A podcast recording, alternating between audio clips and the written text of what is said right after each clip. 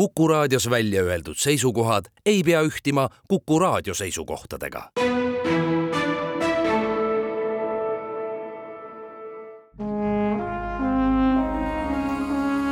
Vanemuise veerand.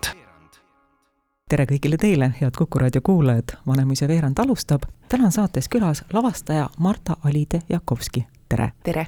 mina olen saatejuht Tiia Rööp meie kokkusaamise põhjuseks on see, et kahekümnendal jaanuaril esietendub Sadama teatris Piret Jaaksi draama Lõpp.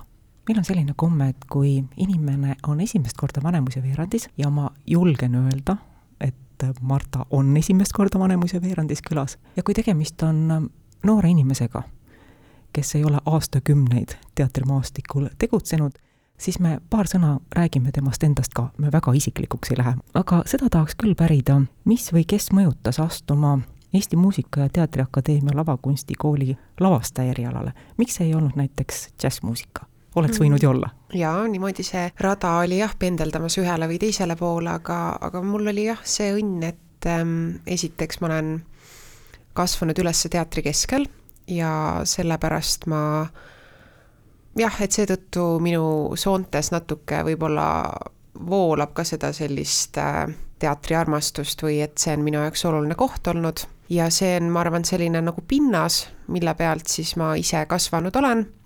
aga kui juba mõelda, et kes konkreetsemalt siis suunanud on neid, seda lavastaja, lavastajaõpet, siis eks muidugi esimese asjana tuleks öelda, et seal on olnud ka kindlasti väga märgilised lavastused, mida ma ise olen näinud, mis on mind mõjutanud ja on pannud mõtlema selle peale, et äh, oleks lahe midagi sellist teha, aga ma lihtsalt ei ole kunagi osanud seostada võib-olla ennast, ma võiksin lavastamist õppida.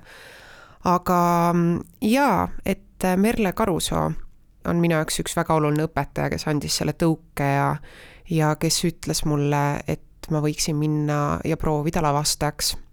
tema siis on jah, olnud nii-öelda see, ütleme, kes siis andis äh, rajaotsa kätte või siis nagu julgustas seda teed minema. tuleme nüüd Piret Jaaksi näidendi lõppu juurde. hästi lihtsustatult öeldud, see näidend tiirleb ümber surma, surm on selle loo kese. sa oled noor inimene, miks sa valisid selle näidendi ja siia juurde ma kohe lisan, et sinu eelnevad lavastused, need materjalid ei ole sugugi kerged, need ei ole sugugi lihtsakoelised sa oled tegelenud äh, sügavate raskete teemadega varem ka ja ma kasutan praegu ära võimaluse ja ma tänan sind selle teatrielamuse eest, mida ma sain, see oli kaks tuhat kakskümmend kaks Draamafestival, kui Sadama, ei, see ei olnud Sadama teater, see oli Karlova teater, kui mängiti sinu lavastust Fundamentalist. aitäh sulle selle eest! aitäh, suur rõõm! miks sa valisid sellise näidendi nagu lõpp? see teema lõpp või surm või noh, kõik teemad seni ka minu juurde tulevad ikkagi läbi isikliku impulsi, et äh, mul endal tekkis soov võib-olla siis natuke uurida seda teemat ja, ja ma me tegelikult Tiit Paluga arutasime, ta tegi selle kutse, et võiks Vanemuisesse tulla ja, ja siis ma võtsin selle kutse vastu, aga mõtlesin, et tahaks nagu kuidagi tahaks kuidagi nagu teemast lähtuvalt siia tulla, et tahaks leida mingi teema, mis mind huvitab ja siis seda niimoodi uurima hakata ja Paluga me olime, jõudsime ühisele sellisele nagu arusaamale, et võib-olla vananemine või surm, et see võiks olla üks teema, mis mind väga on kõnetanud, aga mulle tundub, et Palule see sobis ka hästi ja laiemalt ühiskonnas on ka see, tundub nagu õhus, et kui me mõtleme, et mis praegu maailmas toimub, et on sõjad, oli koroona, pikk koroonaaeg, kus kuidagi kerkis eriti tugevalt, mulle tundub, paljude inimeste jaoks esile surm ja ka võib-olla siis just see leina pool selles, et kuidas siis hakkama saada või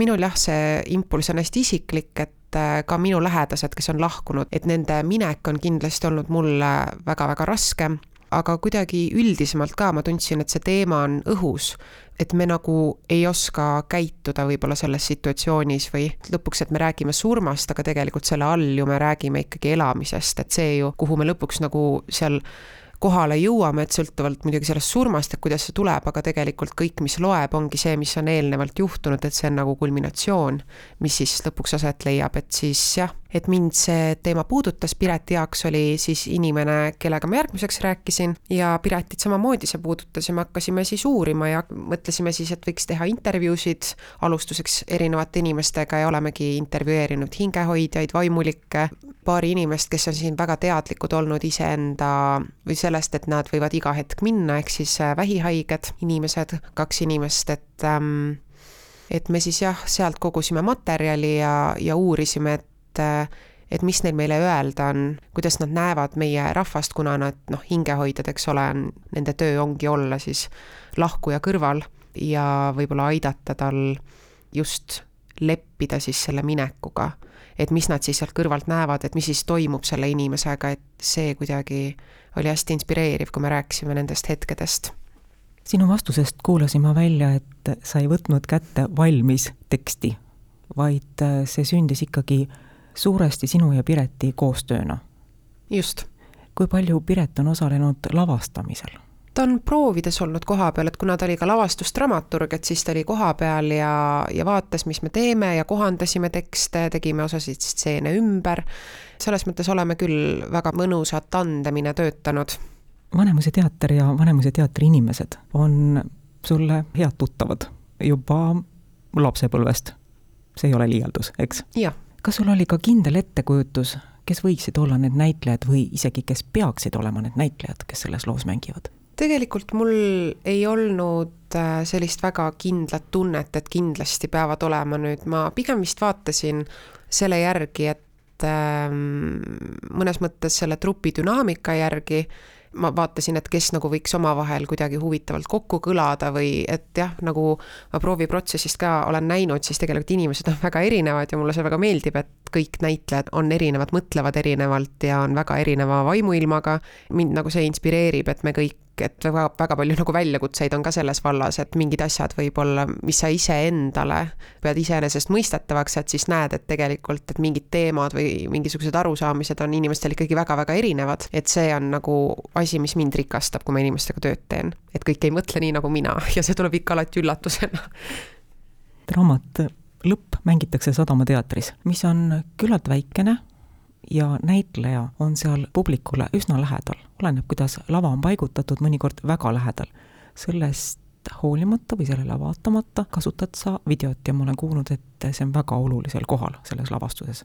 kas see kuulujutt on tõepõhjaga? ja, ja, ja et äh, me kasutame tõesti kaamerat, ma ise ei ole varem lavastustes kaamerat kasutanud ja mul on kuidagi oluline olnud, et see oleks põhjendatud aga siin lavastuses see on põhjendatud, et on meil kuidagi dramaturgiliselt natuke ka sisse kirjutatud sinna. jah, et me kasutame kaamerat ja mm, eks siis tuleb tulla vaatama, et, et mil moel, aga aga jah, et on meil üks mänguvahend.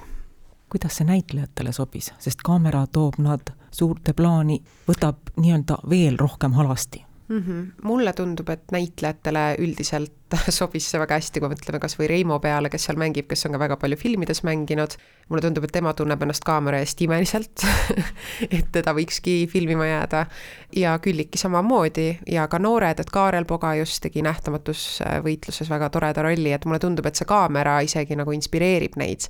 ja ma tean, et seda on võib-olla raskem mängida kaamerasse või noh, kaamera on hoopis teist laadi partner kui sa pead temale rääkima, aga mulle tundub, et me oleme leidnud päris hea koha, mille pealt seda teha ja see on tore, et äh, minu meelest näitlejad on väga ilusasti sellega kaasa tulnud.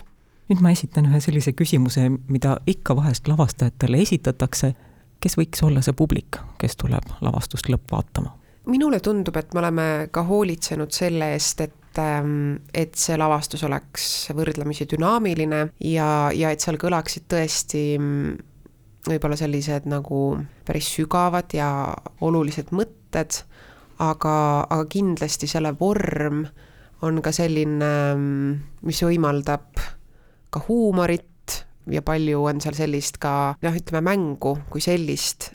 ma ei oska eagruppi küll välja tuua, et kellele ta mõeldud on, et ma lihtsalt arvan seda, et kui see teema peaks kedagi hirmutama, et siis ähm, jah, see hirm on õigustatud, aga ma arvan, et pärast selle lavastuse vaatamist võib-olla ikkagi jääb kõlama natukene mingisugune mingisugune muu asi, mis ehk ei ole nii hirmutav, sestap ma soovitaksin kõigil vaatama tulla.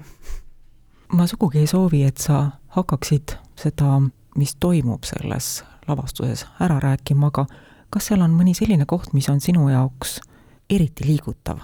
Mina pean ütlema, et see koht, kus lepitakse kokku, et esimesena mineja ootab teisi kirsipuu all mm, -hmm. see oli minu jaoks see koht, mis no isegi praegu tekkis selline mm -hmm. jah mm. -hmm. jaa, see on liigutav moment ja, ja mulle tundub, et võib-olla siis jah, kui me räägimegi, et mis siis on natuke valesti või miks on nii raske rääkida surmast, et jah, et see on oli Annika Laatsi intervjuust, et äh, ta hästi ilusasti rääkis, et kuidas ta mingil hetkel sai väga teadlikuks sellest, et ka tema ühel hetkel läheb. Ja kuna ta oli sellel hetkel kasvatas enda tütreid üksinda, et siis ta, siis ta sai aru ühel hommikul, kui ta sõitis autoga tööle, et sellisel juhul, kui temaga peaks midagi juhtuma ja ta ei tea, millal või kes nagu esimesel näeb, et kuidas me siis kokku lepime või mis siis saab või et tema enda lapsed oleksid sellel juhul ju täiesti tohutus teadmatuses ja, ja ta oma vanemad leinaksid sellel hetkel oma tütart. et siis nad omavahel leppisid kokku, et kuidas siis on et kus siis nemad kokku saavad, kui keegi läheb, et kas neil on mingi koht, kus me nagu uuesti siis kokku saame ja see on jah, see on üks väga liigutav lugu, mis sellele siis järgneb seal lavastuses, et äh, see, see kindlasti puudutas mind ka, kõik intervjuud, mis on sisse läinud ja kõik need kohtumised on mind väga-väga puudutanud mitmel moel. aga minu jaoks olid ka Naatan Haameriga olid väga-väga sisukad ja erakordselt põnevad intervjuud, et see, mismoodi tema on ju kriisinõustaja muuhulgas ja kuidas ta siis rääkis sellest, et kuidas siis meil puudub see generatsioonide vaheline koostöö või et me enam ei, ei tea lugusid või me ei tea, kuidas hakkama saada, sellepärast et me ei räägi neid lugusid. et meie vahel on nagu tekkinud mingisugune tõrge, me ei suhtle või, või me nagu ei tea enda tüviteksti tihti, et kust me tuleme, kes me oleme ja sellepärast me ei tea, kuidas hakkama saada võib-olla väga kriitilistes momentides, kus mingisugune muster on olemas, kus tegelikult lahendused on olemas, või seesama asi, mis ütleb, et, et meil puudub kannatuse kohta kandev lugu. ja tegelikult see on praegu meie aja probleem.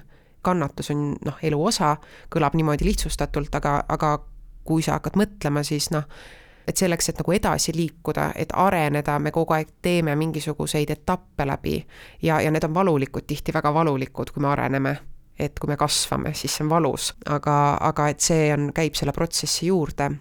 või siis teine väga oluline mõte, et Eesti ainus lugu on edulugu. ehk siis, kui sa ei ole edukas, eks ole, et siis sul ei olegi enam mõtet et kui sa ei kuulu teatud vormelisse või sa enam noh, oledki sellises eagrupis, kus sul ei ole mingit väljundit või, või, või oled sa siis, mis iganes, neid näiteid on palju, et see mind ka väga-väga pani mõtlema ja just, äh, mis puudutab noori, eks ole, et noored on tihti väga pahuks iseendaga, tehakse palju enesetappe ja et selles mõttes me oleme jah, rääkinud päris sügavatel ja, ja põnevatel teemadel ja minu jaoks on need kohtumised ääretult inspireerivad olnud aitäh, Marta-Liide Jakovski! aitäh! aitäh kõigile teile, kes te meid kuulasite, jälle kuulmiseni! Vanemuise veerand